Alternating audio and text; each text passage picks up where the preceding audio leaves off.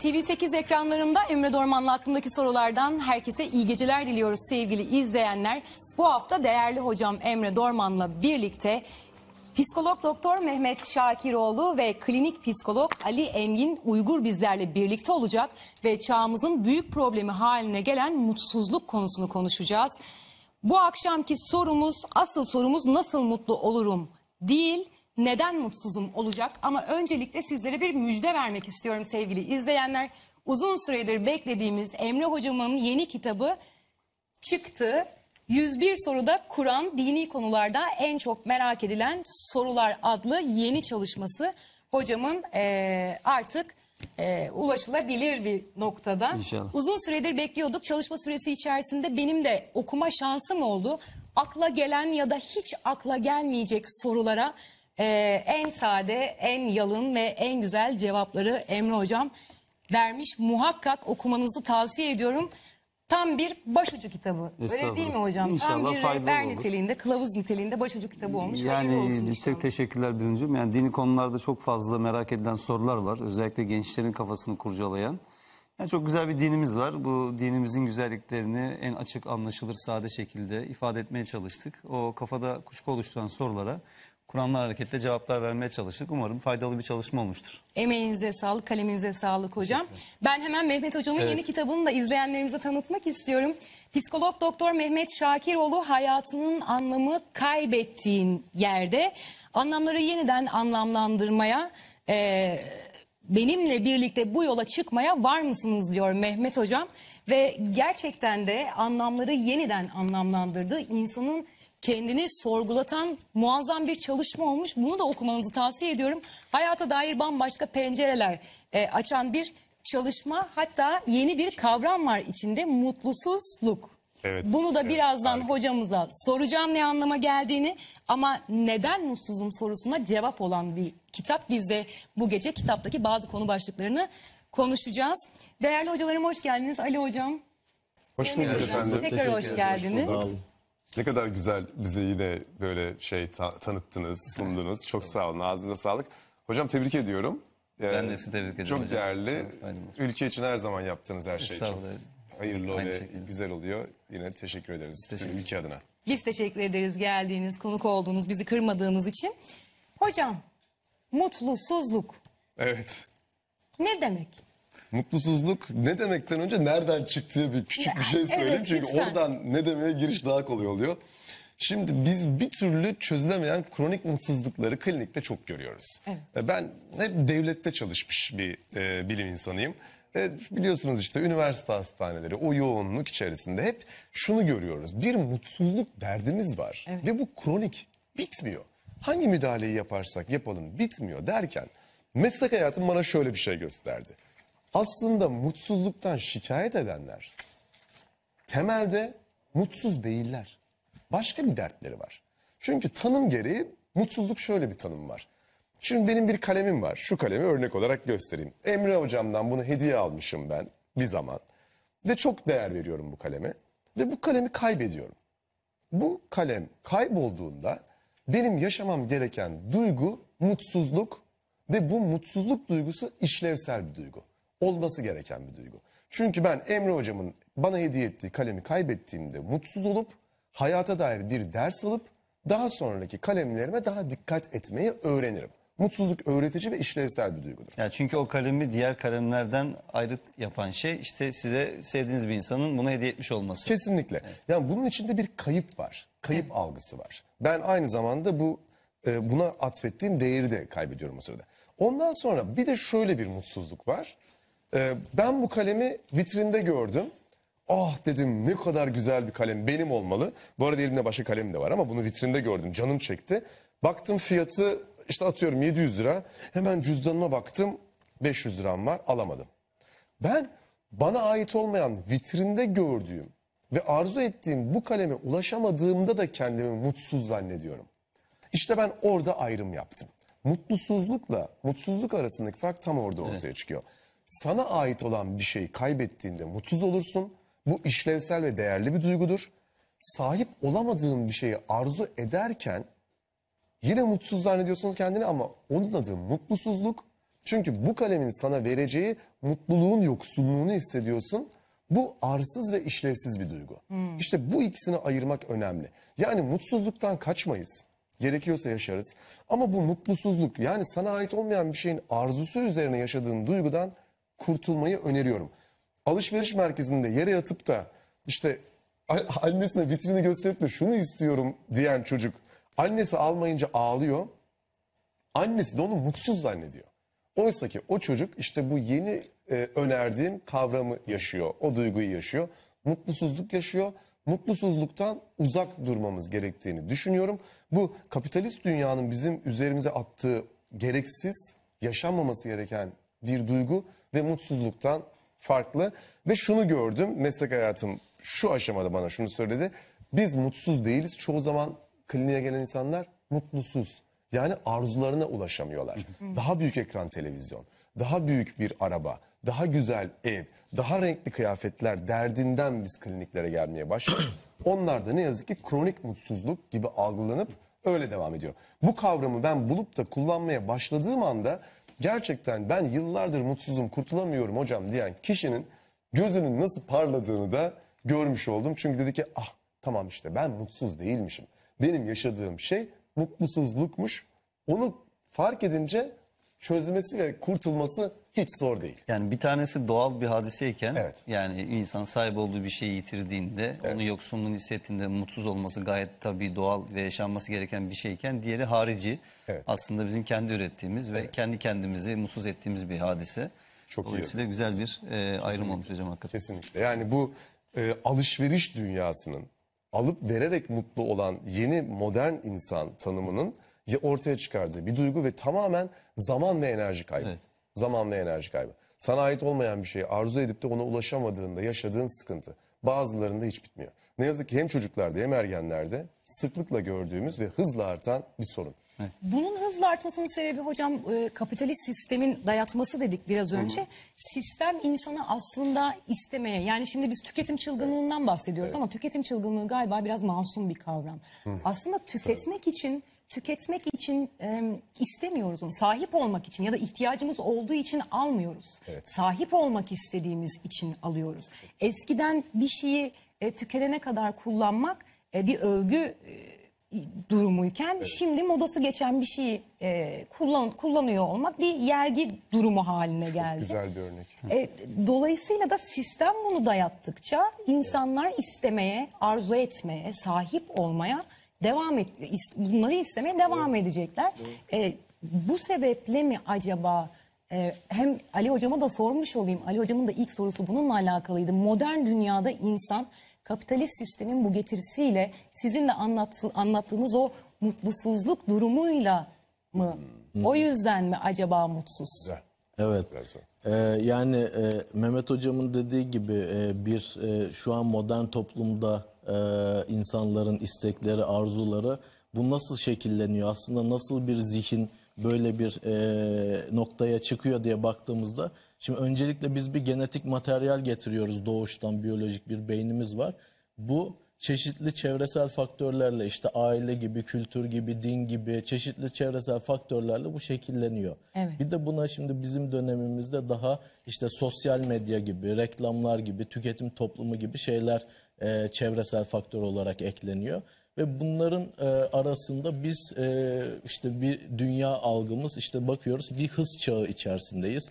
Bir performansa dayalı bir sistem var görünürlük daha fazla artıyor. İşte sosyal medyada e, bir profiller oluşturduğumuzda e, burada daha fazla görünür oluyoruz. Dolaşım e, daha fazla artıyor. Daha çok şey görüyoruz. Dolayısıyla bir şeffaflaşma söz konusu insanlarda bu noktada Evet. ve e, aslında vitrin çok oldukça ön plana çıkmaya başlıyor insanlar açısından. Şimdi e, biz e, bu sefer e, gördüğümüz şeyleri normal bir e, durum gibi algılamaya başlıyoruz. Çevremizde birçok şey gördüğümüzde, birçok uyaranla karşılaştığımızda burada. İşte mutlu insanların bir bakıyoruz sosyal medyaya yüzlerce fotoğraf görüyoruz orada. İşte e, çok e, fit vücutlar görüyoruz. Evet. Ondan sonra spor arabalara binen, lüks otomobiller kullanan insanlar görüyoruz. Veya işte YouTube'da e, 12 yaşında milyon dolar kazanmış e, YouTuber olmuş gençler görüyoruz burada. Böyle bir sürü örnekler var. E, ve işte bu o zaman ne oluyor? Aslında bize bir mesaj veriyor zihnimize sürekli. Yani verimlilik, verimli olmak önemli bir şey, gelişmek önemli bir şey. ideal insan profili zihnimizde oluşturuyor. İşte sürekli daha üretken, e, daha çok, daha atletik, daha verimli, daha e, takdir gören biri olma çabalarına bu e, itmeye yönelik bir mesaj veriyor zihnimize sürekli. E, bir taraftan kusursuzluk e, burada ön plana çıkıyor. Yani işte bakıyoruz mesela fotoğraf çekerken filtreler ekleniyor fotoğraflara. Yani e, o çekilen e, asıl doğal olan fotoğraf değil de onun daha da iyisi, daha da iyisi, daha da güzeli nasıl olur diye böyle bir kusursuzluk algısı burada sürekli bir aslında bir dayatma gibi zihnimize bu e, sürekli geliyor. Sonra ilişkiler bakıyoruz. İlişkiler bundan çok etkileniyor. Yani şimdi baktığımız zaman e, belki eskisine göre çok daha fazla arkadaşımız var. Sosyal medyada işte binlerce arkadaşımız var. Çok daha sosyaliz görünürde. Ama baktığımız zaman burada bizim derin ilişkilerimiz azalıyor. Uzun süreli ilişkilerimiz azalıyor. E, aslında kalıcı olarak e, bağlanma hissedebildiğimiz, karşımızdakiyle o daha derin e, sıcak kurabildiğimiz daha bağlı ilişkiler azalıyor. Dolayısıyla aidiyet hissi burada aslında aidiyet e, açısından baktığımızda o da azalıyor. Ve biz daha mutlu olacağız diye aslında e, burada e, bir e, paradoksun içine düşüyoruz. Evet. Bu sistem içerisinde işte sıra dışı olmak sanki pompalanıyor sürekli ama herkes sıra dışı olmaya kalktığı zaman bu sefer sıra dışı olmak dediğimiz şey sıradanlaşmaya başlıyor. Şimdi e, beynin e, şey baktığımız zaman burada statü dediğimiz şey aslında bizim e, gelişimimiz insanlık tarihi açısından e, önemli de bir kavram. E, çünkü e, e, statü dediğimiz şey doğada da baktığımız zaman işte e, daha çok çiftleşebilmek, daha, statü sahibi olmak, daha fazla üreyebilmek, daha çok çiftleşebilmek anlamına geliyor. Evet. Daha güçlü olmak, çevresindeki e, çevresinde bir grup toplayabilmek anlamına geliyor. Ve biz orada kendimizi daha geride hissettiğimizde bu bizde bir e, işte mut, mutsuzluğa yol açan bir hormonun salgılanmasına yol açıyor. İşte kortizol salgılanmaya başlıyor. Biz burada işte kendimizi o güvende hissetmiyoruz, sıkıntılı hissediyoruz. Bu sefer böyle bir şeye yol açıyor. Ama şimdi baktığımız zaman şöyle bir şey de var bir taraftan. Bundan 50-100 yıl önce bizim dedelerimiz böyle e, bir performans ortamı içerisinde değildi mesela. Böyle bir e, e, şeyle Rekabet. yar- rekabet içinde değildi. Böyle bir şeyle karşılaşmıyorlardı. İşte günlük hayatla daha temas içindelerdi. Günlük hayat sorunlarıyla uğraşıyorlardı. İşte ne oluyordu? Ee, işte sıkıntı varsa işte aman geçer diyor. İşte tavukları kümese sokayım geçer diyor. Yani şey e, e, böyle daha günlük şeylerle Evet. ilgili uğraşlarımız vardı. O yüzden bunlar değişti modern insanın yaşamında ve bu bizi e, ciddi anlamda e, etkilemeye başladı mutluluk algımızı. Ve bütün hocalarıma sormuş olayım. Bu biraz e, sanal bir gerçeklik değil mi? Yani e, Mehmet Hocam da değinmiş kitabında. Hani o muhteşem bir özgüvenle yetiştiriliyoruz ya işte sen yaparsın, sen farklısın, sen edersin. Acaba bir noktadan sonra gerçekten sıradan olduğumuzu mu fark ediyoruz da böyle bir duvara mı çarpıyoruz acaba? O, o bu, bir mutsuzluk hissi mi veriyor insana? Yani onun da mutlaka etkisi vardır ama ben ondan önce ilk bu sorduğunuz soruyla ilgili birkaç not aldım. Ee, Ali Hocam da Mehmet Hocam da konuşurken onunla ilgili bir şeyler söylemek istiyorum. Şimdi bu tüketim çılgınlığı diyebileceğimiz boyutta bir şey gerçekten. Ee, şu anda kapitalist sistem bunun üzerine kurgulanmış durumda. Yani insanlar ne kadar çok tüketirlerse o kadar mutlu olacaklarını zannediyorlar. Evet. Gerçekten böyle düşünüyoruz. Yani bir işte diyelim cep telefonu aldınız. Ee, bakıyorsunuz 6 ay içerisinde cep telefonunuz artık eskimiş oluyor. Niye? Çünkü yeni modeli piyasaya sürülüyor. Ne yapılıyor diye bakıyorsunuz. İşte megapikseli biraz arttırılıyor. Ne bileyim çerçevesinde ufak tefek böyle değişiklikler yapılmaya başlıyor. Mesela ben hatırlıyorum eskiden özellikle böyle belli markalardaki arabalar uzun süre kasa değiştirmezdi. Makyaj yapmazdı araçlar falan. İnsanlardaki bu arz talep durumu artık o kadar e, hayatın içerisinde bir şey oldu ki şimdi her sene bakıyorsunuz mesela araba ya farında ya çıtasında ya kenarında bir yerinde böyle bir makyaj olmuş. Ne oluyor bu sefer? Psikolojik olarak şunu hissediyorsunuz. Yenisi Ha, benim arabam artık eskidi. Halbuki daha bir yaşında araba belki iki yaşında. Benim arabam eskidi bak yenisi geçiyor buradan yeni kasası da güzel olmuş falan. Niye onu almalıyım onu edinmeliyim. Onu alabilen bir insan olma dönüşümü. İngiltere'de bir GSM operatörünün yaptığı araştırma vardı. Çok ilginçti dikkat çekici. İnsanların gelir seviyesi düştükçe kullandıkları cep telefonunun e, fiyatı artıyor.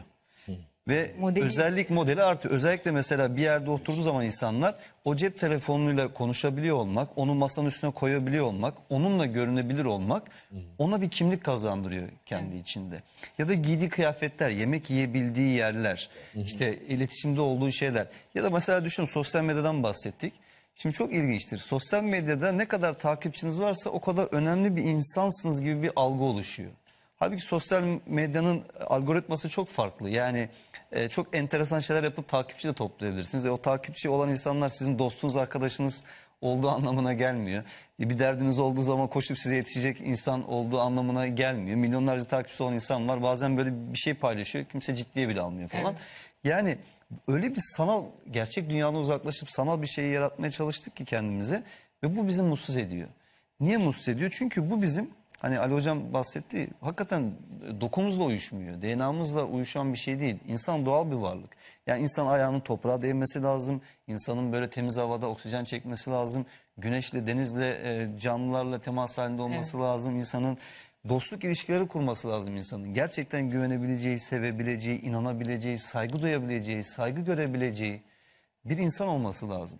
Ama biz e, dostluklarda değil de e, tüketimde veya sahip olabileceğimiz şeylerle kendimizi ortaya koymaya çalıştığımız zaman insanların bizle kurduğu ilişki de onlar üzerinden oluyor. Yani işte üniversite öğrencisin, lüks bir araban varsa lüks arabası olan insanlarla arkadaşlık yapmak isteyen insanlar seninle arkadaşlık yapıyor. İşte e, güzel bir evde oturuyorsan ya da işte ona göre bir çevren varsa insanlar ona göre sana yaklaşmaya başlıyor. Ama bakıyorsun ki her şey sanal. Yani her şey suni, doğal değil. O yüzden bence insanları mutsuz eden şeylerin başında bu modern dünyada mutsuz eden şeyin başında öncelikli olarak e, sevgisizlik geliyor.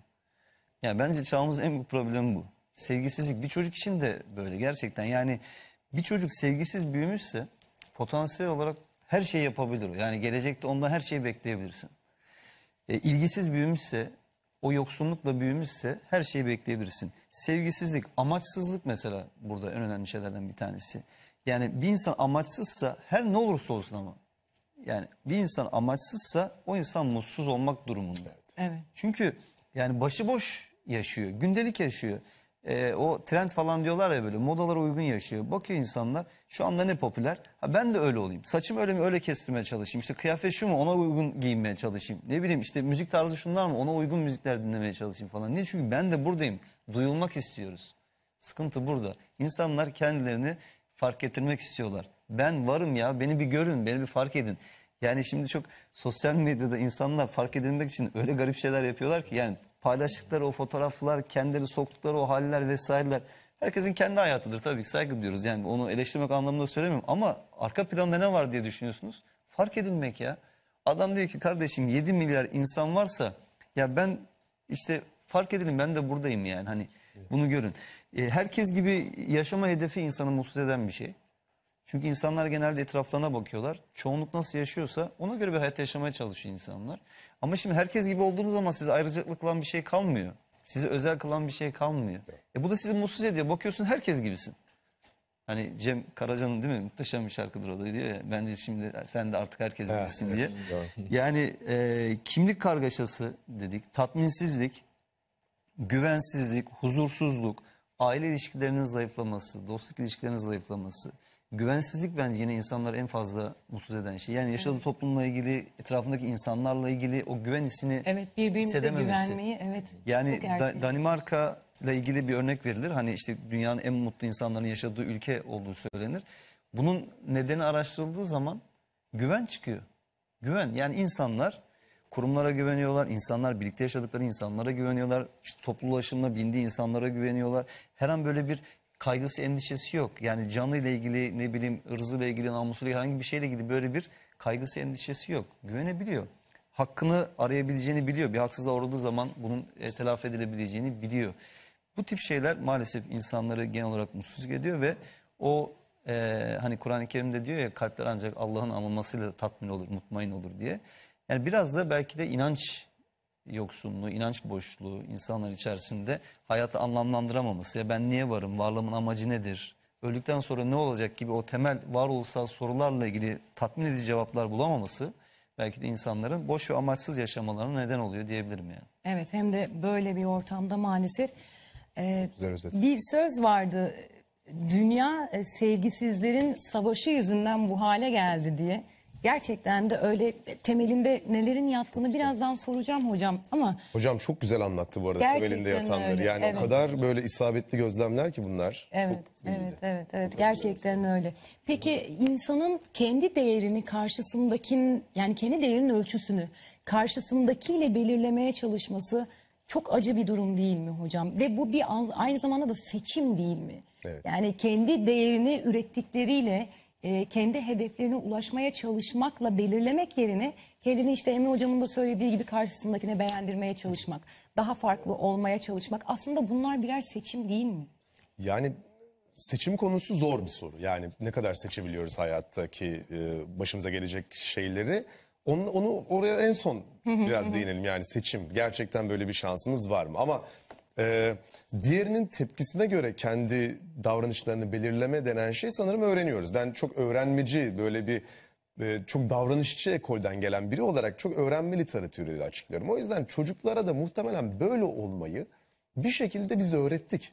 Yani yakın zaman son 25 yılın işi esasında Emre Hoca'nın biraz bahsettiği bu şeyler. Yani orada beni görün diyor ama ben yok. Yani herkes gibi davranan benim, herkes gibi davrandığımı görün diyor esasında. Yani selfie çekerken verdiği pozda ya da giydiği gömlekte ya da işte kullandığı dilde. He- Herkes gibi olduğumu fark edin demek istiyor biraz. Ve şöyle bir şey oldu yine orada maddi güçle kendilik değerini belirlemek de şöyle bir şey oldu. Sen kimsin dediğinde nüfus cüzdanı yerine banka cüzdanı göstermeye başladı artık insanlar. Yani alım gücü üzerinden kimliklenip alım gücü üzerinden ne kadar değerli olduğunu göstermeye başladı. Şimdi bu ne yazık ki bu coğrafyanın kendi dokusuna uygun değil. Evet. Orada kaybediyoruz. Biz çocuklara bir yerde çok değerlisini öğretmeye başladık. Oysa ki biz herkes değerlidir'i öğreten bir coğrafyayız. Herkes değerlidir'i bilmeyen çocuk çok değerlisini öğrenirse hayatı boyunca çok değerli olduğunu kanıtlamaya çalışıyor. Evet. Hem kendisine hem çevresine. Ama gün boyu çok değerli olduğunu kanıtlamaya çalışan insan gece olup da başını yastığa koyduğunda hem yorgun hem tatminsiz hem de mutsuz oluyor. Çünkü aslında yani sorunuzun en başına dönersek sıradanlığının farkına varmak yeryüzünün en büyük özgürlüğüdür. Evet. Çünkü bu değerli mi kanıtlama belasından kurtulursun. Sıradanlığın altındaki değer zaten felsefenin de temelinde vardır. Sen önce bir sıradanlığının farkına var. Çünkü sıradanlığının farkına varmak senin dışındaki tüm dünyaya saygı göstermek. Senin dışındaki tüm dünyayı kabul etmek. Burada iki tane hatalı öğrenmeyle e, bu sıkıntılı sürece giriyoruz. Birincisi iyi hissetmelisin hastalığı var. Çocuk babası uzun süre eve gelmiyor. Babaya çocuk kızgın. Baba eve geliyor bakıyor çocuğun kızgınlığını görüyor. Çıkarıyor hediyeyi veriyor. Çocuk diyor ki ah diyor hediye. Kafa gitti dağıldı çocuğun. Kızgınlık gitti mutsuzluk gitti. Bir tepki gösterecek gitti. Hediyeyi aldı mutlu oldu. Çocuk şunu öğrendi. Bak olumsuz bir duygun varsa alarak kendini iyi hissedebilirsin. Ama çocuğun derdi orada iyi hissetmek olmamalı. İkincisi bu az önce söylediğiniz şey değerlisini öğretiyoruz. Özelsin, değerlisin, biriciksin. Ve bunu bir şekilde kanıtlayacağız. Bütün hafta işte her hafta ayrı bir kursa gideceğiz. Piyano çaldın olmadı işte jimnastik yaptın olmadı dans ettin olmadı. Senin farklı ve özel bir çocuk olduğunu bir yerde bulacağız baskısı. Farklı ve özel çocuk aslında diğerlerinin ne kadar değerli olduğunu fark ettikten sonra farklı ve özellikli olur. Biz o yüzden bu çocuklarımıza iyi hissetmelisin baskısından bir an önce vazgeçmemiz lazım. Çünkü bu baskıyı kurduğumuzda çocuklar ileride sadece satın alarak iyi olabilecekleri bir dünya oluşturuyorlar kendilerine. Ve satın almaya güçleri yetmediğinde de iyi hissedecekleri bir durum kalmayınca bu mutsuzluk dediğim virüsün içine düşüyorlar. Bence şöyle bir şey, mutluluk kovaladıkça bizden kaçan bir şey. O yüzden öyle bir çukurun içine düşüyoruz. Burada çok acayip bir paradoksal ilişki vardır mutlulukta. Sen mutlu olmaya çabaladıkça o senden uzaklaşır. Yani biz şöyle bir iyi hissetme peşindeyiz. Ben güzel bir sebze yemeği yemek istiyorum ama yazın o pazarda o sebzeyi taşıyacağım, o fileyi taşımak istemiyorum. Yani pazara gitmeden sebze yemeği yemek istiyorum. Oysa ki sadece iyi hissetmek üzerine mutluluk olamaz. Mutlulukla mutsuzluk bir arada dans ederler. Biz mutsuzluktan tamamen kaçarak bir mutluluğa ulaşamayız. O yüzden şu soru çok değerli. Neden mutlu olamıyorum diyen arkadaşların hepsine şunu öneriyorum. Neden mutlu olamıyorum ya da nasıl mutlu olurum sorusunun yerine kısa da bir süre olsa neden mutsuzum sorusunu koyarsan zaten bu mutsuzluğu sen oluşturduğun için sen bundan vazgeçebilirsin. Seçim konusuna gelecek olursa o turu attıktan sonra Birin Hocam sorunuz bunu seçebiliriz. Yani neden mutsuz olduğumuzu anlama çabasını seçebiliriz. Ama mutlu olmayı ne kadar seçebiliriz? Orası biraz benim çok anlayamadığım bir yer. Çünkü mutluluk kalıcı bir duygu değil.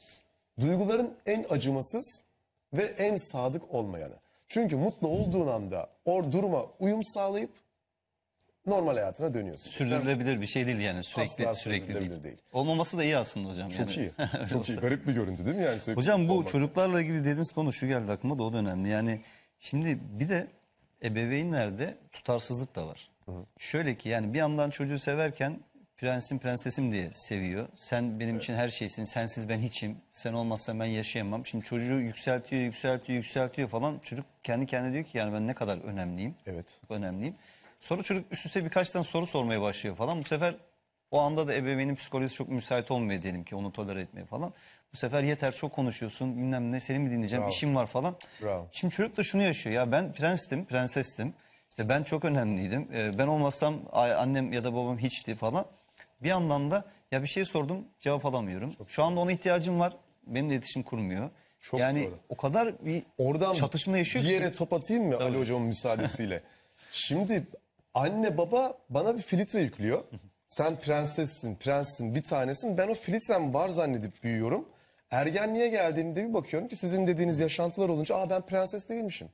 Prens değilmişim. Filtre düştü. Ya da insanlar öyle davranmaya çalışıyorum. Bakıyorum ki insanlar öyle davranmıyor Geri bana. dönüşü öyle değil. karşılık ver- Evet. Ama işte nasıl sosyal medyanın kucağına düşüyor gençler? Orada filtre var. Yani çocuk kaybettiği filtreyi evin içinde annesinin babasının ona prens prenses gibi davranırken taktığı filtreyi sosyal medyada buluyor. Sosyal medyadaki filtre ona tekrar şunu söylüyor. Ya sen sosyal medyada güzel çocuğum bir prensessin, prenssin. Yeter ki şöyle dur, pozunu ver, fotoğrafını çek, doğru yere koy, altına da bir özlü söz yaz. Mis, iş halloldu. Yani aslında sosyal medyanın bizi ele geçirme yöntemi de bu. Filtre. Çocuk çünkü filtre arıyor. Kendini olduğu gibi kabul etmiyor. Ben kimim sorusunun net şey cevabı de var hocam herhalde orada değil mi Ali hocam? Yani mesela e, bazen böyle hakikaten aşırı övgüler var. Mesela işte birisi bir şey paylaşıyor. Arkadaşı o kadar böyle hani o ponçik falan diyorlar ya böyle o kadar böyle aşırı övgüler yapıyor. Kalpler şeyler falan koyuyor. Çünkü kendisi de aynı şeyi bekliyor. Yani kendisi de bir şey paylaştığı zaman onu takip eden arkadaşları aynı şekilde. Böylece kendini iyi hissetmek istiyor. Yani ben bak bir şey paylaştım şu kadar kişi beğendi. Bu kadar doğru. güzel övgü dolu şeyler yazdılar falan. Abartı ama gerçeklikten uzak. Yani ayakları yere basmıyor. Dolayısıyla bu da biraz herhalde e, insanların bu anlamda e, Tabii. mutlu olamamalarına neden oluyor. Şimdi yani e, aslında e, şeyden bahsettik. O değer değerli olduğunu kendine kanıtlama çabalarından bahsettik. Bu sosyal medyadaki tutumlardan, tavır, e, çabalardan bahsettik.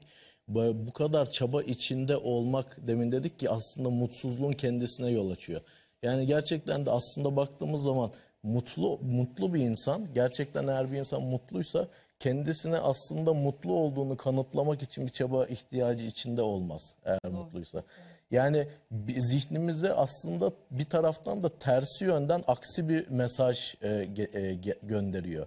Yani biz ne kadar işte daha başarılı olmak için çalışıyorsak e, orada aslında e, yeterince başarılı olmadığımıza dair kendimize zihnimize bir mesaj gönderiyor. İhtiyacı eksiklik çıkarıyor yani. Evet, evet. Yani orada bir e, o bizde bir algı oluşuyor bununla ilgili. Daha da çok yapmam lazım. Çünkü bir sebebi var arka planda yatan. Ya yeterince yok bende. Daha da çok yap. Ve e, burada eksiksiz eksik olmak ve yetersizlik şeyi demek ki pekişiyor aslında ben bu çabaları sürdürdükçe orada. E, Daha fazla çabalıyorum. İşte mesela ne bileyim ben burada bir sunum yapmak için çok fazla aşırı e, enerji sarf ederek sunum e, ya, öncesinde hazırlık yapıyorsam aslında ben de yeterince işte zihnimin e, işte yeterince bilgilerimin yeterli olmadığına dair düşünüyorum. Yani e, o yüzden tersiyle birlikte burada var oluyor ve biz bu, bu sefer sürekli bu çaba içerisinde işte e, mutluluk bize gelsin diye e, acı azalsın, duygusal acılarımız azalsın, mutluluk ve haz bize gelsin diye sürekli pedala basan deney fareleri gibi e, bir işte veya şey çeviren, e, çark çemberin içinde koşan deney fareleri gibi mutlu olmak için bir koşu halindeyiz sürekli. Evet. Ama bu koşuda da e, aç, mutsuz, e, elimizde de bunlar kalıyor sürekli. boş bir şekilde geri dönüyoruz. Yani aslında zihnimizde e, mutluluğu sürekli isterken o o alanda bir boşluk oluşuyor zihnimizde. Yani e, mutsuzken şunu sormak istiyorum aslında Ali hocam. E, mutsuz olmamızın sebebi e, zihnimizde çok fazla olumsuz düşüncenin olması mı? Yoksa mutsuz olduğumuz için mi zihnimizde çok fazla olumsuz düşünebiliyoruz? Harika bir Evet. soru. Yumurta mı tavuktan, tavuk mu yumurtadan gibi oluyor. biraz. Bizim bu bilim dünyamızda Ali Hocam da çok sormuş. Çok sık sorulan bir sorudur. O yüzden harika sordunuz yani. Evet, evet. Bir cevabı yok ama galiba. O yüzden lafı öyle. Ali Hoca da vardır tabii ki cevabı. Yani şimdi mutsuzluk dediğimiz şey e, baktığımız zaman aslında olumsuz duygu bizim e, hepimizin yaşayabileceği bir şey. Yani olumsuz duygu ve düşünceler hepimizde olan şey ve bu sağlıksız insan olduğumuz anlamına da gelmiyor. Ya olumsuz duygu yaşıyor olmak. Şimdi hepimiz çünkü kendimizi zaman zaman yetersiz hissediyoruz, başarısız hissediyoruz. Ama e, hepimiz e, bu başarısızlık ve yetersizlikten dolayı bir e, depresyona girmiyoruz. Depresyon geliştirmiyoruz bundan. Kaygı bozukluğu geliştirmiyoruz. E, şimdi dolayısıyla kendini biraz depresif hissetmekle depresyonda olmak arasında ciddi bir fark var. E, yani bir tanı koyabilmek için daha farklı kriterler gerekiyor. Belli bir süre onun devam ediyor olması, işte e, işlevselliğin düşüyor olması, e, çeşitli burada e, e, şeyler var, belirtiler var burada olması gereken. E, bu- tarz bir şey burada sağlıksız bir şey olduğunu e, bizim söyleyebilmemiz için. Ama diğer taraftan işte herkeste var e, çeşitli olumsuz duygular. Biz bu sefer şöyle oluyor. Ne oluyor mesela yalnızım düşüncesi mesela geldiğinde biz buna odaklandığımız zaman kendimizi odaklandıkça güvende hissetmiyoruz dedik. Daha e, aslında yalnız olmadığım anların da e, önemini burada algılayamıyorum bunu yaptığım zaman. Dikkatimi buna verdikçe. İşte başarısızıma odaklandıkça başarılı olduğuma dair verileri de okumuyorum. Buradaki filtre aslında yanlı bir bakış açısı bende olmasına e, yol açıyor. Yani Aslında do- bardağın dolu tarafından hep bakmaya çalışmak mı gerekiyor? Yani olumluya ulaşmak için olumluyu düşünmek, zihnimizi buna göre inşa etmek mi gerekiyor? Ee, aslında yap, ne yaptığımızı fark edip o yapmaya devam ettiğimiz şeyi sürdürdükçe ay- aynı kapıya çıktığımızı öncelikle bir fark etmek gerekiyor. Yani bardağın dolu tarafından bakmak biraz daha belki farklı bir işlem, işlemleme. Ama sürekli aynı şekilde bir sorunu çözmeye çalışıp da bunun işe yaramadığını belki yıllardır biz aynı şeyi yapıyoruz ama burada keşfedemiyoruz. Hep biz aynı şeyi yapmayı seçersek bir alternatif şeyi yapmayı o zaman seçemediğimiz anlamına gelir.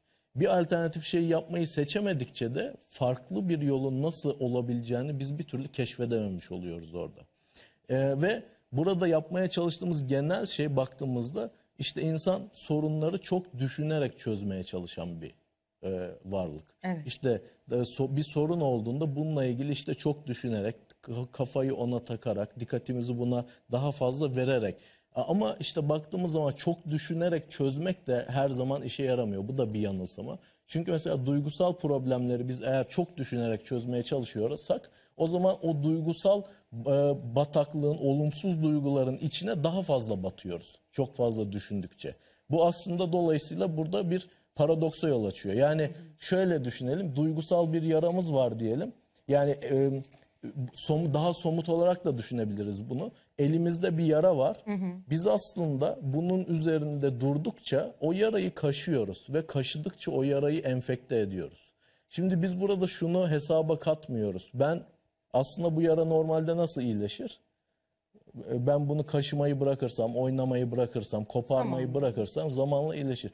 İyileşme potansiyelimizin olduğunu, kendi kendimize yatışma potansiyelimizin, gücümüzün olduğunu, aslında bu kadar çaba içine girmediğimizde de e, bir şeylerin düzelebileceğini, yani aynı yolla bunu düzeltemediğimizi, yaptığımız şeyi azaltarak da bunu oradaki acımızın yatışabileceğini, bu kadar çaba sarf etmediğimizde odaklanabileceğimiz alternatif başka şeyler olabildiğini. Şimdi bunları keşfedemiyoruz. Demin dedik ya e, işte çok fazla mutluluk peşinde koşan insan işte o kurduğu ilişkilerde aslında daha derin ilişkiler kuramıyor. Daha e, işte yakın temas e, kuramıyor insanlarla. Birçok şeyden mahrum oluyoruz çaba içinde oldukça başka şeylerle ilgili. Şimdi biz bunları azalttığımızda o zaman orada bir zaman açılıyor, bir alan açılıyor bize.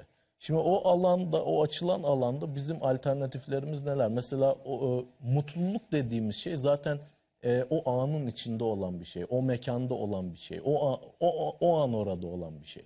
Bizim zihnimiz gelecek odaklı, ileriye dönük endişeyle birlikte kaygı yaşadığında, kaygı duygusunu yaşadığında, endişe edip veya geçmişe dönüp daha e, işte e, tekrarlayıcı, perseveratif düşünce dediğimiz, ruminasyon dediğimiz böyle geçmişi sorguladığında sürekli, geçmişi analiz ettiğinde biz ikisinde de aslında mutlulukla ilgili verileri, bizi mutlu edebilecek şeyleri oralarda algılayamıyoruz. Biz bunları yaptıkça o anın içinde olamıyoruz ve aslında orada olabilirsek mutluluk dediğimiz şey o anla temas ettiğimizde mesela burada olup o sohbeti yaparken ondan keyif almaya çalıştığım anda ben mutlu olabiliyorum. Evet. Yani bakalım en son mutlu olduğumuz zamanlar nereler, ne zamanlar diye. Hep böyle e, o anın içinde kalabildiğimiz, kokuyu hissedebildiğimiz, e, duyu organlarımızla algılayabildiğimiz şeylere odaklanabildiğimiz anlarda mutluyuz. Yani burada bence temel sorunlardan bir tanesi şu. Yani böyle iki, tane değerli hocamızın yanında psikoloji konusunda çok fazla şey söylemek istemiyorum ama insan ruhu, e, hakikaten duyguları, düşünceleri. Yani ben şu anda burada oturuyorum ve ben mutlu olmalıyım diyerek bir insan mutlu olamaz. Çünkü bu bir yerden böyle gelip bize enjekte edilecek bir şey değil yani. Hani bağlayın beni hani mutlu edin falan bir anda böyle yani böyle bir şey değil. Mutlu olacaksın Emre, Evet. mutlu olacaksın. Emre Yani hocam şimdi de bekle olmayacak. İnsanın o bulunduğu anı e, değerlendirmesi, faydalı bir şeye dönüştürmesi, e, üretmesi gerekiyor ki o onu mutlu edebilsin. Şimdi mesela biz işte antik Yunan düşünürlerine, İslam filozoflarına falan baktığımız zaman yani bu adamlar bilgiyi niye bu kadar çok seviyorlar ya? Yani bilgi niye sevilir? Bilginin niye peşinden bu kadar gidilir? Çünkü mutlu oluyor adam. Evet. Adam mutlu oluyor. Öğrendikçe, öğrettikçe, yeni şeyle şeyler kazandıkça ve hem evrenle hem diğer canlı cansız her şeyle bağlantı kurdukça adam mutlu oluyor. Çünkü onun hayatının anlam ve amacı bilgide temellenmiş. Niye bilgi ediniyor adam? Çünkü nasıl erdemli, iyi bir insan olabileceğini de bilgi temeliyle kazanıyor, Evet. öğreniyor. Yani neyi yaparsam e, iyi bir davranış olur, neyi yaparsam kötü bir davranış olurun arkasında yatan şey bilgi. Ve adam bu mutlu mutlu ediyor bunu. Şimdi bu e, az önce Mehmet Hocam dedi ya bu hani ben ben ben ben merkez. Şimdi bu kişisel gelişim üzerine çokça kitaplar yazılıyor ve işte biliyorsunuz bu e, kitaplar çok baskılar yapıyorlar Evet. falan böyle. Birbirini tekrar eden şeyler birçoğu da E, ama şimdi bir kitabı okuduğunuz zaman o kitabı okumadan öncesiyle okuduktan sonrası arasında sizde gerçekten kalıcı bir etki, iz, eser bırakmıyorsa ve sizi olumlu anlamda dönüştüren bir e, harekete geçirme e, sürecine sokmuyorsa bence o vakit kaybıdır. Yani doğru. Bir- yani büyük, büyük oranda öyle. Ama şu var.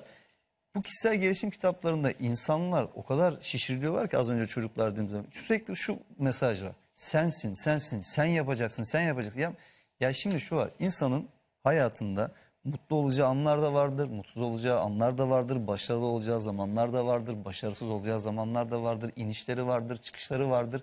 Yani insan bütün bu duyguları birlikte yaşamak durumundadır. Evet. Bu bardak örneği verildi ya ben de derslerimde o bardağı gösteririm. Ve eee, o bardağı gösterdiğim zaman dolu tarafı boş tarafı öğrencilerime şunu sorarım. Evet bazen psikoloji çalışmalarında bunu yapıyorlar. Yani olumlu taraftan bakmak. Ne görüyorsunuz? İşte kimisi der ki bardağın dolu tarafı, dolu bardak, yarısı dolu bardak görüyorum, yarısı boş bardak görüyorum. İşte ne bileyim bardak görüyorum, yansımasını görüyorum falan. Ben de dedim ki onlara bakın felsefeyle ilgileniyorsanız, ilgilenecekseniz, felsefe yapacaksanız her şeyini birden görmeniz lazım. Yani bardağı göreceksiniz, bardağı parçadan ayıracaksınız. Ee, Descartes'te olduğu gibi o küçükten büyüğe doğru gideceksiniz, parçadan bütüne gideceksiniz. Gölgesini göreceksiniz, dolu tarafını, boş tarafını, her şeyi birden görmeniz lazım. Hayata sürekli dolu tarafından bakamayız. Yani böyle bir şey yok. Boş tarafından da bakmamız gerekiyor. Çünkü o boş tarafından baktığımız zaman neyi yapmamamız gerektiğini de oradan öğreneceğiz. Hatalar, yani kusursuz bir insan olmalıyım. Böyle bir insan yok. Kusursuzluk Allah'a mahsus bir şey. Yani kusursuz bir insan yok. Hatalarımız olacak.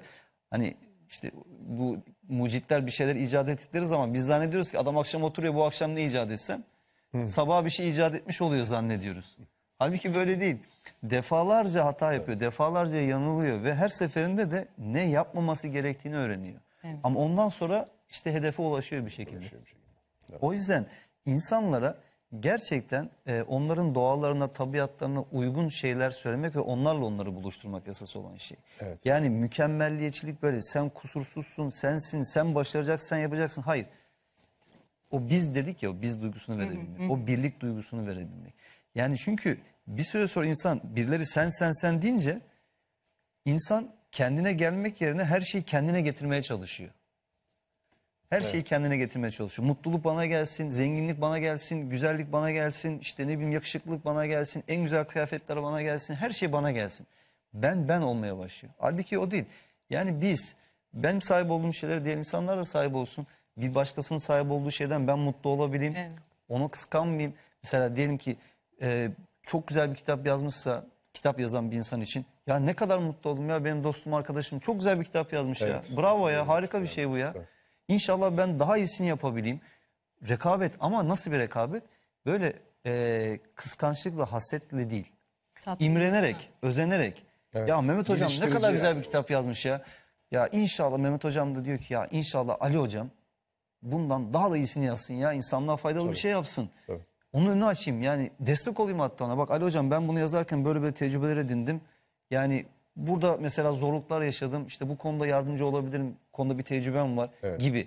İnsanı mutlu edecek şey bu. Ama bu modern dünya bizi öyle bir hale getirdi ki yani o bencillik hani hep ben olayım, ben başarılı olayım, ben ön planda olayım, ben gözükeyim falan. Bu sefer ne oluyor? Ben ben ben ben bir süre sonra bakıyorsun etrafında kimse yok zaten. Ne dost bırakmışsın, ne arkadaşlık bırakmışsın, Ben ne de güven o bırakmışsın. zaman. Kimsenin bu sefer olmuyor. sen de kalmıyorsun. E ne oluyor bu seni? Mutsuz ediyor. Yani insanın aslında hani diyorum ya kendini olduğundan çok fazla abartmaması, kendini fazla önemsememesi, diğer insanlar gibi bir insan olduğumuz ama bizi değerli kılacak, anlamlı kalacak şeyin gerçekten iyilikler üretmek ve erdemli bir yaşam olduğunu anlamamız, keşfetmemiz gerekiyor. Çok önemli. Yani ben bir insan olarak ne yapabilirim ya? İnsanlığa nasıl faydalı olabilirim?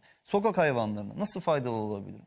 Yani doğaya, çevreye nasıl faydalı olabilirim? Yani bir yerde bir insanın bir derdi, sıkıntısı varsa şöyle bir elimi omzuna atıp yani kardeşim senin için yapabileceğim bir şey var mı? O güveni nasıl verebilirim insanlara? Yani insanın derdi amacı bu olması lazım ve gerçekte de insanı mutlu edecek şey bu aslında temelde. Evet. Peki aslında Mehmet hocama bir soru sormak istiyorum. Kronik mutsuzların sorunu sormak istiyorum ama öncelikle yapacağım yere gelmişken çok da güzel anlattınız. Şunu da söylemeden geçmek istemiyorum. İbn Sina'nın e, İslam altın çağının e, en önemli astronomlarından, düşünürlerinden, tıbbın babası İbn Sina'nın bir mutluluk tanımı var. Diyor ki akli mutluluğu şöyle tanımlıyor. Öncelikle em, akli ve ruhi bir yetkinliktir diyor mutluluk için. Ve e, mutluluğun akıl gücünü geliştiren, insanın ulaştığı bir bilgi ve hikmete paralel olarak yapacağı erdemli davranışlar ile mutluluğu elde edebileceğini söylüyor. Yani e, önce akıl gücünü geliştirerek, farkındalık kazanarak hakikat bilgisine ulaşan ve bu bilgiye paralel olarak erdemli bir hayat yaşayan insanın mutlu olabileceğini söylüyor. Biraz önce sizin söylediğiniz gibi. Peki benziyor. hakikat bilgisine ulaşmayı o zaman insan sorguluyor. Hakikat bilgisine ulaşmanın bize ne kazandıracağını sorguladığımız zaman her şeyi yaratan bir Allah'ın varlığına inanmak. Bunu hocam size de sormak istiyorum. İnançlı hastalarınızda böyle bir fark gözetiyor musunuz? Ee, her şeyi yaratan Allah'ın varlığına inanmak insanı boşluk ve anlamsızlık duygusundan bir kere kurtarıyor. Ee, onun affedici olduğunu bilmek insanın umutla günahkarlık e, duygusundan arınmasını sağlıyor. Allah'ın yakın olduğunu bilmek insanı yalnızlık duygusundan kurtarıyor aslında. Yani hakikat bilgisi ne? Aslında hakikat bilgisi bunlar. Öldükten sonra da tekrar dirileceğimize inanmak e, boş ve anlamsız bir hayat psikolojisinden kurtarıyor insanı. Yani dolayısıyla e, aslında Allah'a olan inanç Allah rızası için hayata sımsıkı tutunmaya, tevekkül ve e, şükürle sabretmeye imkan imkan sağlıyor. Peki bu muazzam bir e, psikolojide muazzam bir etki değil mi hocam? İnancın psikoloji üzerindeki muazzam bir etkisi değil mi? Yani ben bu sorduğunuz çok uzun ve geniş sorunun e, birkaç maddesini çalıştım. E, şimdi birincisi ölüme verilen anlamlardan bahsettiniz. Ölüme verilen anlamlar yok olup toprak olup gidecekse bu kişinin gündelik hayatını zorlaştıran, stres yaratan bir kabul. Ölüme verilen anlam ben yapıp ettiklerimle, eserlerimle kalıcı olurum türünden bir anlamsa insanın iyi olma halini arttırıyor. Ee, ölümden sonraki hayata inanmak bu hayattaki stresin daha iyi regüle edilmesini, daha iyi baş etmemizi sağlıyor. Yani ölüme verilen dini bir temelde devam ediş anlamı e, bize iyi hissettiriyor. Bir diğer çalıştığım kavram şükretme kavramı. Orada enteresan bir şeyimiz var. Şükretmek ve minnettarlık. Ee, şükür oturduk yemek sofrasına verdiği nimetlerden dolayı şükrediyoruz. Bu şimdi başka bir şey. Duamızı ediyoruz ya da. Ee, burada e, diğer sofradakilerle ilişkimi güçlendirme ihtimalim var. Ama temelde halihazırda sofrada olan kişilerle çok ilişkili olmayabiliyor. Bir de minnettarlık kavramı var. O da şöyle bir şey. Önce duamı ettim. Dedim ki verdiğin nimetlerden dolayı. Şükrettim Allah'ıma. Ondan sonra döndüm. Emre hocam iyi ki buradasın. Benim için çok değerlisin. Burada oluşumuz senin sayende ve senin iyiliğinle, güzelliğinle oluyor. Ali hocam çok memnun oldum seni tanıdığım için. İyi ki buradasın. Bu sofranın ne kadar önemlisin ve benim gözümde çok değerlisin. Bürün hocam bu soruyu iyi ki sordunuz ki bütün bunları açma. Yani ben sofradaki diğer kişilere iyi ki varsın aktardığımda aslında bir minnettarlık aktarımı yapmış oluyorum. Ve onun geri gelişi çok güçlü oluyor. Şükretmek faydalı. Minnettarlık faydalı. Ne iyi olma konusunda, iyi hisset, iyi e, iyi olma hali üzerindeki etkisi üzerinden bahsediyorum. Ölüme verilen anlamlarda etkili. Şimdi temelde benim bilimsel e, araştırma nesnesi olarak kullandığım şeyler bunlar. Ya bunların etkisini gördüm. Ama çalışma alanım bu değil. Tamam, Peki- birebir çalışma alanım bu değil. Peki şunu da sormak istiyorum hocam. Bir de böyle e, ne yaparsa yapsın mutsuz olan kronik mutsuz insanlar var. E, anlık olarak mutlu olsalar da tekrar hızlı bir şekilde o mutsuz oldukları ruh haline tekrar dönebiliyorlar. Bu insanların sorunu ne hocam? Evet şimdi e, bu soru ilk sorduğunuz e, düşünceler mi duyguları belirliyor, duygular mı düşünceleri belirliyor ile de biraz ilişkili. Şimdi ben kronik bir mutsuzum diyelim. Birincisi içinde bulunduğum durum kötü olabilir. Yani hakikaten beni mutsuz yapacak bir durumun içinde olabilirim. 30 yıllık evliliğinden mutsuz insan var. Ee, 30 yıldır işte atıyorum bankada çalışıp da her gün şikayet ederek giden var. İstanbul'da her gün trafiğe takılıp 2 saat trafikte yol alıp bundan mutsuz olan var. Bu durumla alakalı. Yani mesela bu yaşantıdan ben bir mutsuz olacağım diyelim ki söyleyeceğim şeyleri düşündüm hatırlayamıyorum böyle bakıyorum sizin suratınıza. Sonra diyorum ki ya ben ne yaptım öyle hatırlamadım hiçbir şey öyle baktım. Bu beni mutsuz eder. Bu birinci şey. Yani yaşadığım anda ortaya çıkan bir aksaklık ya da talihsizlik ya da kötü durum. İkincisi ben yaşadığım şeyi farklı yanlış kodlayabilirim. Oysa ki burada işte çok güzel hocamı tanıdım, sizinle zaman geçirdim, güzel bir sohbet ettik, bizi izleyenleri mutlu ettik falan. Fakat ben bunu kodlarken zihnimdeki hafızaya ya orada benim dilim tutuldu, işte sürekli kalemle oynadım, soruyu da pek anlamadım, zaten kıyafetim de pek hoş değildi diye aslında gerçek olmayan bir kodlama yapıyorum. Kronik mutsuzların mutsuz olmasının bir nedeni bu olabilir. Yaşantı halihazırda yaşanırken onu yanlış kodlamak, yanlış değerlendirmek. Ya şuradaki arkadaşım ben konuşurken kaşı havaya kalktı. Kesin kötü bir şey söyledim. Ama hayır kötü bir şey yok. Sadece ben çevrede kronik mutsuz olarak bir beni mutsuz edecek sürekli malzeme arıyorum. Üçüncüsü de şu olabilir. Ben burayı kodlarken sıkıntılı kodlamadım ama hatırlarken hatalı hatırlıyorum. Yani bir yıl önceki bir olayı hatırlarken ya mesela bu çekimi düşünüyorum bir yıl sonra. Esasında kodlarken de hata yok ama ya işte oradaki arkadaşı şöyle kaşı kalkmıştı. Ben sadece o gün yaşananlar arasında tek olumsuz olanı hatırlıyorum. Üç tane yolu var. Bir olumsuz şeyler yaşamak, bir olumsuz kodlamak, esasında çok da olumsuz olmayan şeyleri. Üçüncüsü de olumsuz hatırlamak. Şimdi bizi izleyenler bu minvalde bir değerlendirsinler. Hatırlarken bir sorun çıkıyor, Yaşarken durumdan dolayı mı sorun çıkıyor yoksa hafızalarına yerleştirirken kodlarken mi sorun çıkıyor? Şimdi biz genelde düşüncelerden korkar duyguları oluştururuz. Yani şimdi şu virüsle ilgili küçük bir örnek vereyim onunla ilgili. Ya virüse yakalanırsam? Bu bir düşünce. Evet. Ben ya virüse yakalanırsam düşüncesini engellemek için mi maske takıyorum?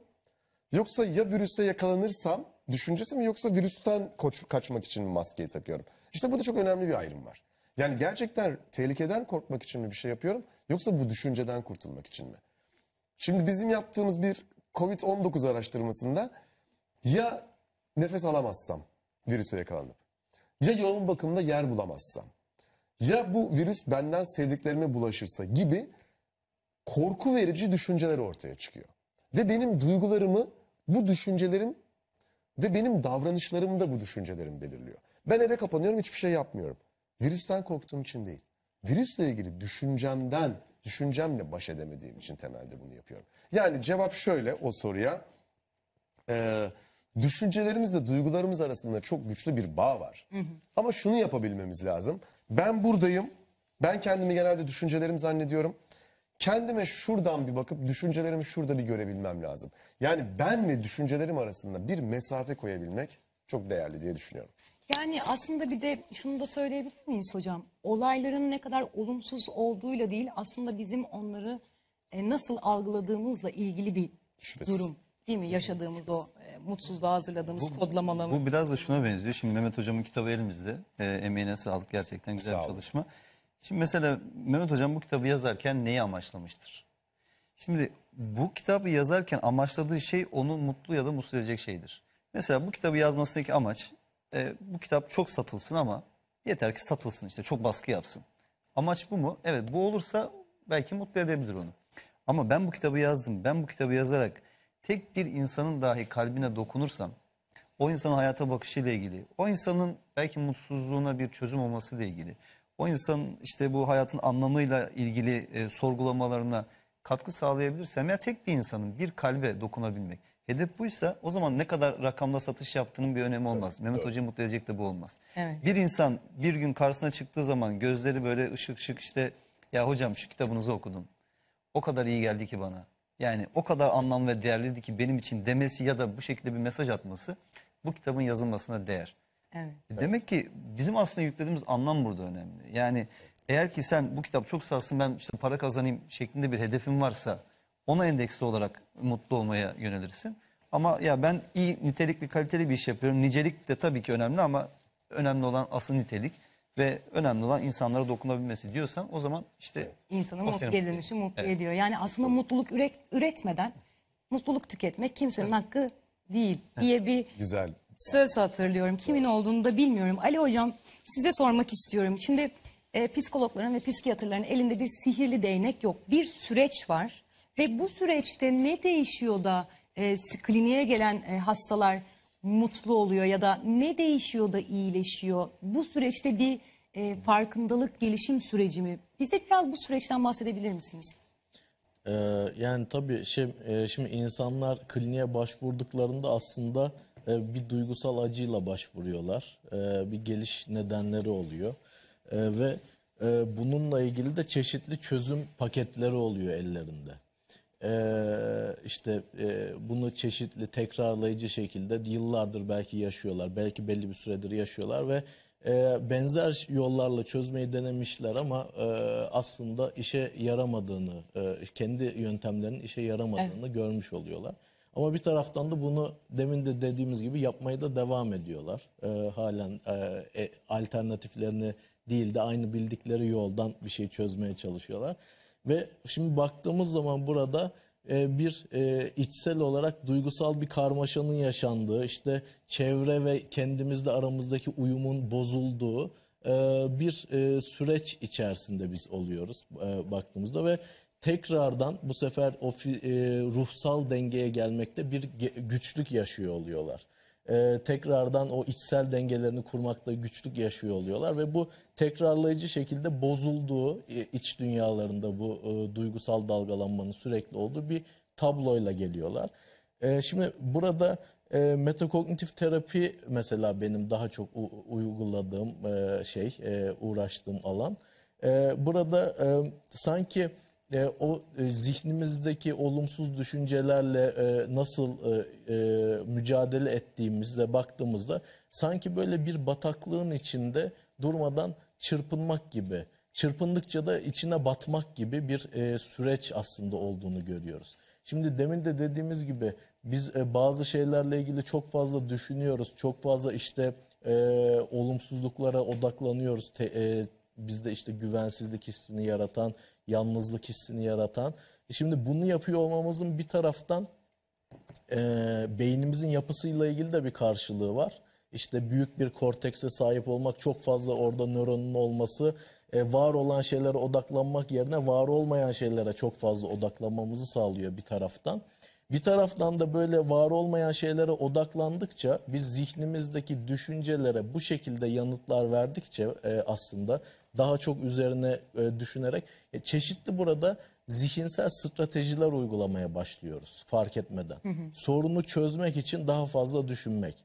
İşte e, mesela beden e, ben eğer ki işte bir kalp çarpıntısı varsa o, o bir panik atak hastasıysam o kalp çarpıntısını mesela taramak bedenimde var mı yok mu geldi mi e, gelmedi mi işte şu an ne kadar diye mesela bedenimdeki belli bölgelerde belli şeyleri takip etmek mesela bu bir zihinsel strateji veya istemediğim düşüncelerle e, onlardan uzak durmaya çalışmak e, onları bastırmaya çalışmak, gitsin diye uğraşmak onlar. Başka şeylerle uğraşarak yapmak, dikkatimi dağıtarak yapmak. Bunların hepsi böyle çeşitli zihinsel stratejiler.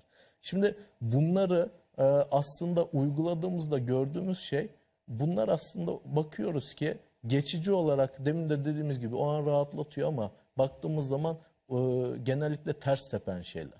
Uyguladıkça çünkü aslında biz bu, e, bu şeyleri, o olumsuz düşüncelere biz daha fazla kulak vermiş oluyoruz. Onları daha çok dinlemiş oluyoruz. Onları daha çok dinlediğimiz için onların zihnimizdeki önemini arttırmış oluyoruz.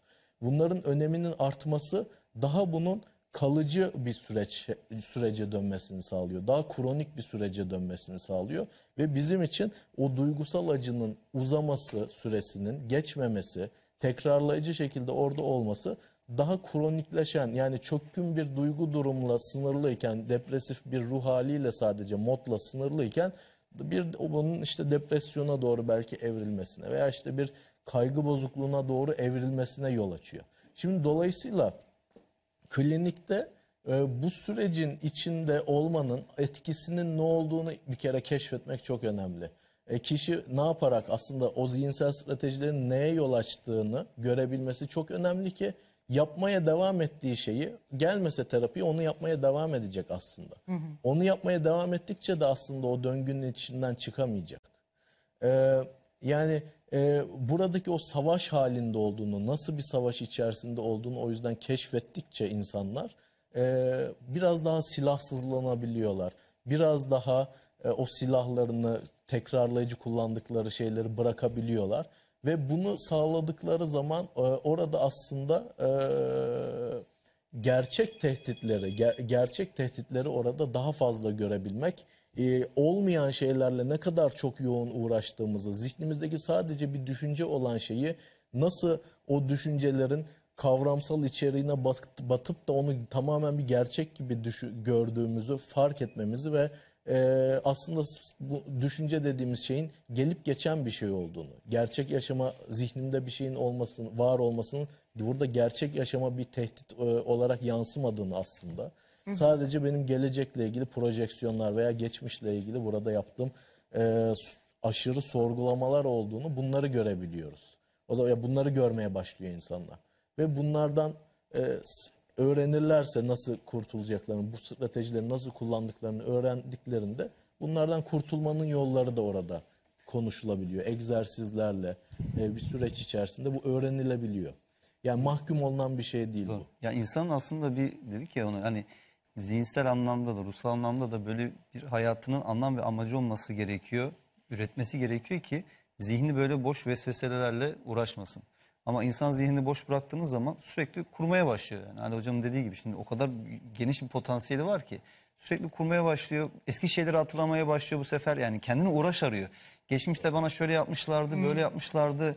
Falanca işte akrabamla ilgili şöyle bir şey yaşamıştım. Hala unutamam onu falan. Şimdi insanın sürekli böyle bu vesveselerle şeyler. Bu ne yapıyor bu sefer? Üzmeye başlıyor insanı, mutsuz etmeye başlıyor. Şimdi sen İbn Sina'dan bahsettin. Evet. Ee, çok önemli bir alimimiz tabii.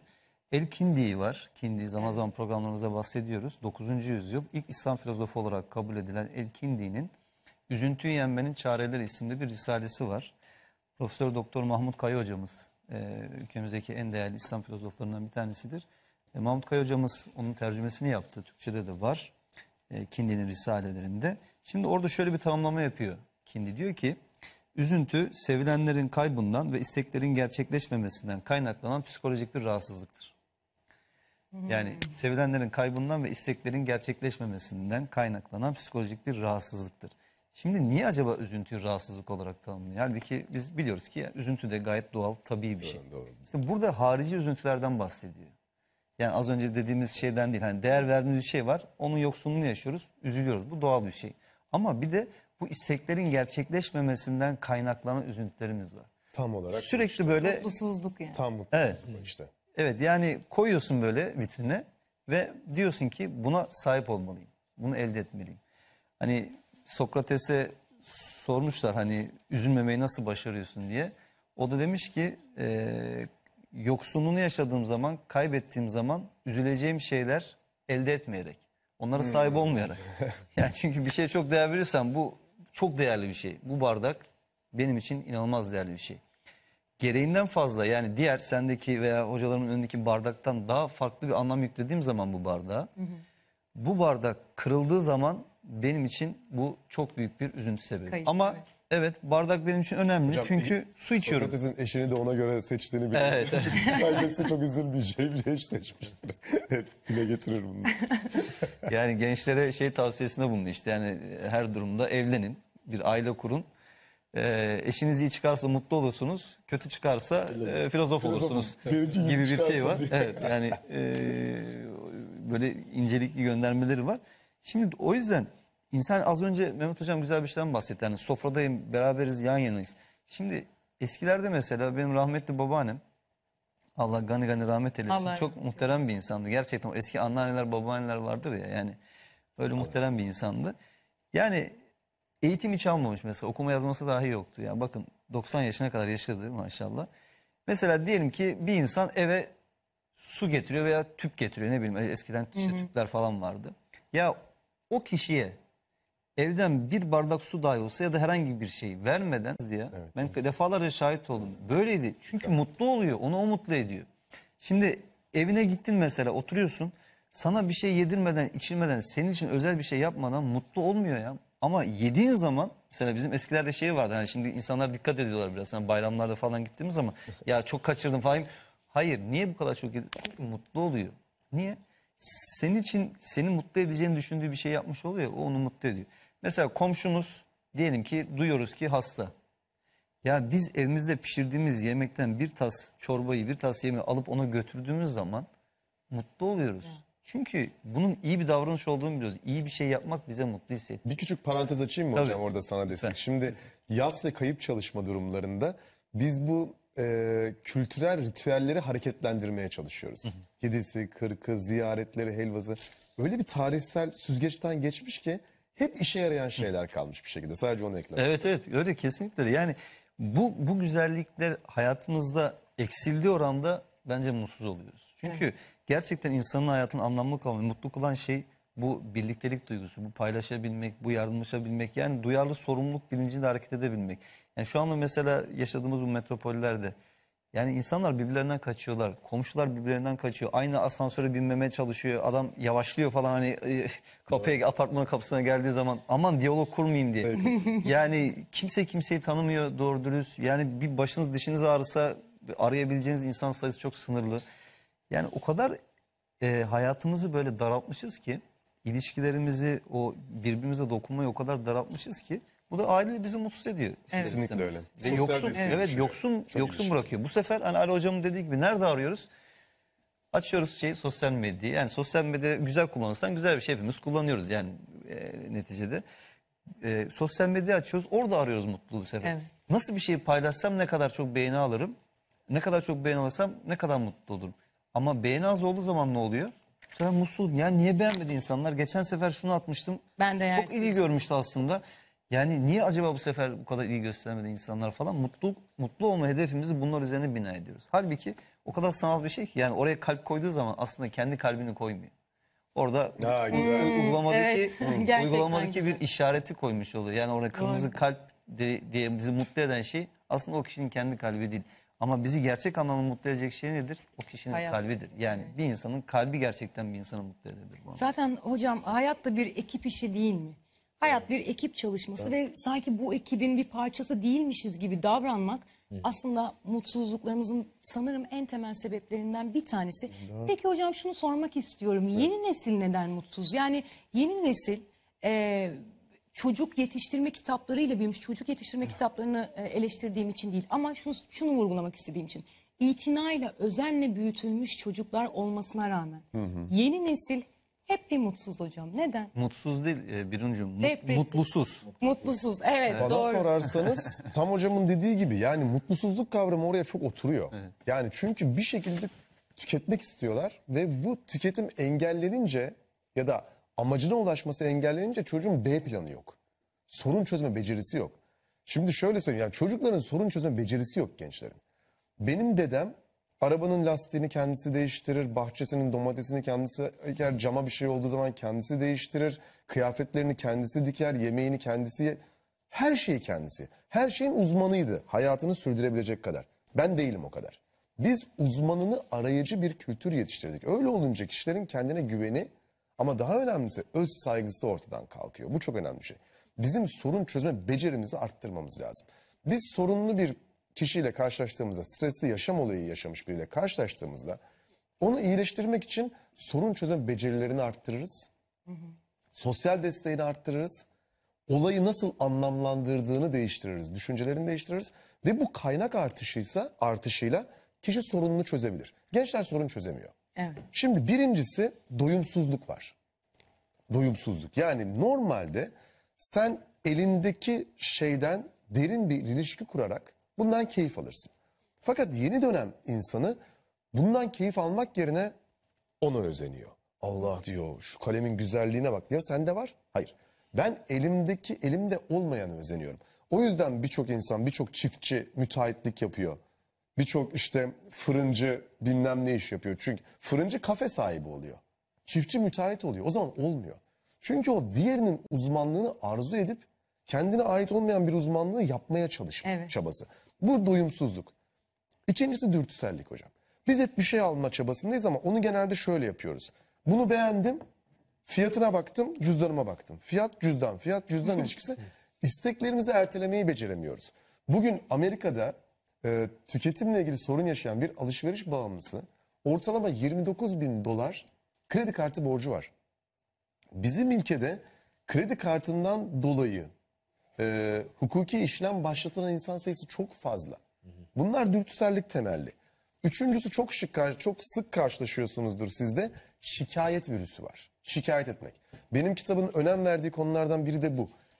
Tek düze bir hayat kuruyoruz ve bir süre sonra ondan şikayet etmeye başlıyoruz. Şimdi bilmiyorum Ali hocam ne der bu konuda? Benim öğrencilerim işte üniversite çok yüksek puanla üniversiteye giriş yapıyorlar. Bizim devlet üniversitesi psikoloji bölümü çok yüksek puanları var. Bunun için çok çalışıyor. Okumak için çok çalışıyor. KPSS sınavı için çok çalışıyor. Memur oluyor. 3 yıl sonra memurluktan şikayet etmeye başlıyor. Allah diyor hayırlı bir eş versin bana diyor. Yıllarca bunu söylüyor. Yıllarca söylüyor. Evleniyor eşinden şikayet etmeye başlıyor. Yani hep bizde tek düze bir hayat, öngörülebilir bir hayat kurma çabası ve ondan şikayet var. Bir diğer sorun da bunu sosyal medya ile ilişkili söyleyeyim. Telefonu elime alıp da mesela ben şimdi İstanbul'dayım. Arkadaşlarım Kuşadası'nda memlekette. Ben onları gördüğümde dün de denize giriyorlardı. Vay anasını be. Bensiz giriyorlar lan şunlara bak lanet. Keşke ben de orada olsaydım diye düşünüyorsam hayatımı mutsuz götürürüm.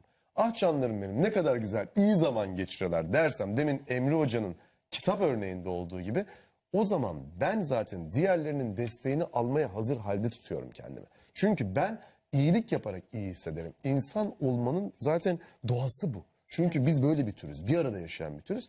Ve iyilik yaptıkça iyilik görüyoruz. Yani bu kesin. O yüzden şikayet, dürtüsellik, doyumsuzluk ve bu en son söylediğim şeyin adı FOMO. Yani diğerlerinin keyifli yaşantılar yaşamasını kıskanma olayı gibi bir şey.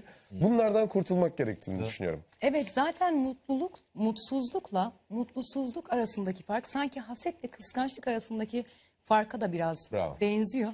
İnşallah e, başka programlarda da bunları konuşmaya devam İnşallah edeceğiz. hocam. Çünkü daha konuşacak çok şeyimiz zaman var. Hocam Mehmet Hocam'ın kitabında daha çok bilgiler var. Ben e, Ali Hocam'ın e, çevirisini yaptığı kitabı da tanıtmak istiyorum. Başta tanıtmadım çünkü e, metakognitifin ne demek olduğunu önce bir anlayalım. Ondan sonra ilgi duyan izleyenlerimiz kitaba ulaşmak isterlerse diye daha sonrasında tanıtmak istedim. Siz çevirdiniz bu kitabı. Eğer psikolojiyle ilgilenenler, e, anksiyete ve depresyonda metakognitif terapiyi merak edenler bu kitaba ulaşabilirler. Son cümlelerinizi yavaş yavaş alacağım. Ali Hocam sizin son cümlelerinizi alayım. Ne söylemek istersiniz? Bütün bu konuştuklarımızı toparlamak isterseniz. Ee, e, şimdi mu- mutluluk hani zihnimiz nasıl çalışıyor çeşitli noktalara girdik burada mutsuzluğu sürdüren şeyler ne ne, ol- ne olunca mutlu olamıyoruz. Ee, şimdi baktığımız zaman e, bir ömür geçip gidiyor böyle bu şekilde ve e, biz e, şu an uğraştığımız şeylere şu an şu ana kadarki gibi geçirirsek yani bundan önceki 10 yıl gibi bundan önceki 20 yıl gibi bir ömür yaşarsak aslında bundan çok da farklı olmayacak. O yüzden e, bundan sonrası için e, geçirdiğimiz zamanı e, nasıl geçiriyoruz? Bu çok önemli bir nokta. evet. E, bu şey vardı. e, Ölü Ozanlar Derneği diye bir film vardı. E, orada e, bir şey okuyordu. e, bir şiir okuyordu. Zamanın e, kıymetiyle ilgili, değeriyle ilgili. İşte e, vakit varken tomurcukları topla. E, çünkü e, o güzel bugün gülümseyen o gül e, yarın ölüyor olabilir diye bir e, şeyi vardı. E, o geldi aklıma.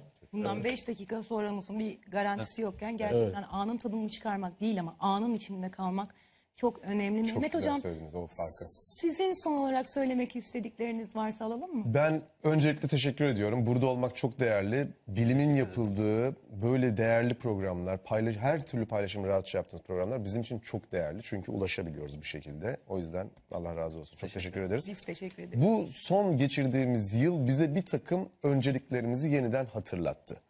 Bir uzunca bir süre evlerde kapalı kaldık. Önceliklerimizi gözden geçirmek için çok güzel bir fırsat verdi bir. Ve demin sorduğunuz soruya paralel olarak da maneviyatın ne kadar değerli olduğunu bu süreç bize gösterdi. Evet. Sabırlı olmak zorunda kaldık. Paylaşmanın ne kadar değerli olduğunu, yalnızlığın ne kadar zor olduğunu gördük. Ve diğerleriyle empati kurabilmenin esasında hayatımızı ne kadar kolaylaştırdığını gördük. Şunu söyleyebilmek lazım. Hayatta iyilik, kötülük, mutluluk, mutsuzluk var.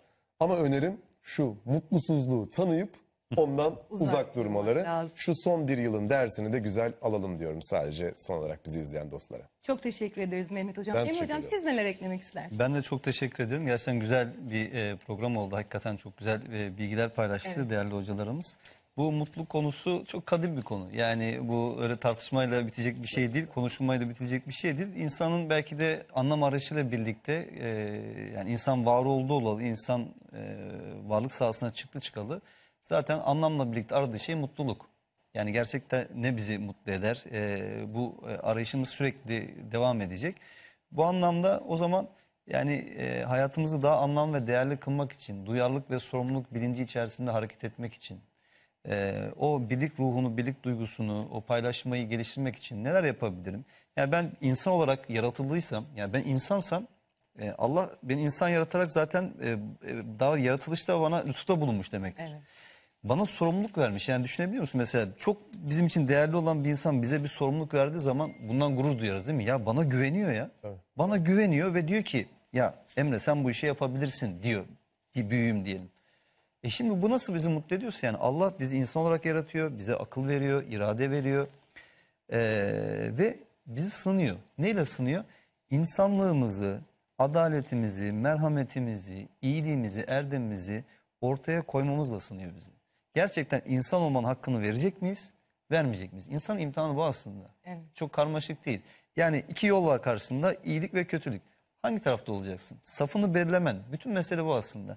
Eğer ki ben iyi bir insan olmak istiyorum, Allah'a ve Allah'ın yarattığına karşı görev ve sorumluluklarımı en güzel şekilde yerine getirmek istiyorum diyorsan, böyle bir hedefin varsa, böyle bir amacın varsa ona göre bir hayat belirliyorsun kendine ve o istikamette gidiyorsun. Ve eee ayetle bitirelim müsaade edersen. İnsanlar genelde şöyle zannediyorlar, din ahiret için diye zannediyoruz. Halbuki din bu dünya için. Din bizi bu dünyada mutlu etmek için var. Bakın ben bunu çok açık net şekilde söyleyebilirim. Yani ben eğer ki Kur'an-ı Kerim'i e, biraz okumaya ve anlamaya çalışan bir insansam, din bizi bu dünyada iyi bir hayat yaşatmak ve mutlu etmek için var. Evet. Ve gerçekten insanı mutlu edecek şeyin ne olduğunu bize öğretmek için var. Mesela e, Bakara suresinde inananların dualarından bahsedilir. 200. ayetinde der ki insanlardan öylesi vardır ki Rabbimiz bize vereceğini dünyada ver der. Sadece dünyada ister.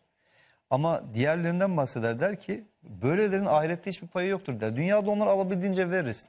Zenginlik mi istiyorsunuz alın. Mal mı istiyorsunuz sağlık mı ne istiyorsanız alın. Onlardan bir kısmı da der ki Rabbimiz bize dünyada da iyilik ver, ahirette de iyilik ver ve bizi cehennem azabından koru. Yani bir Müslüman isteyeceği şey dünyada da ahirette de iyiliktir.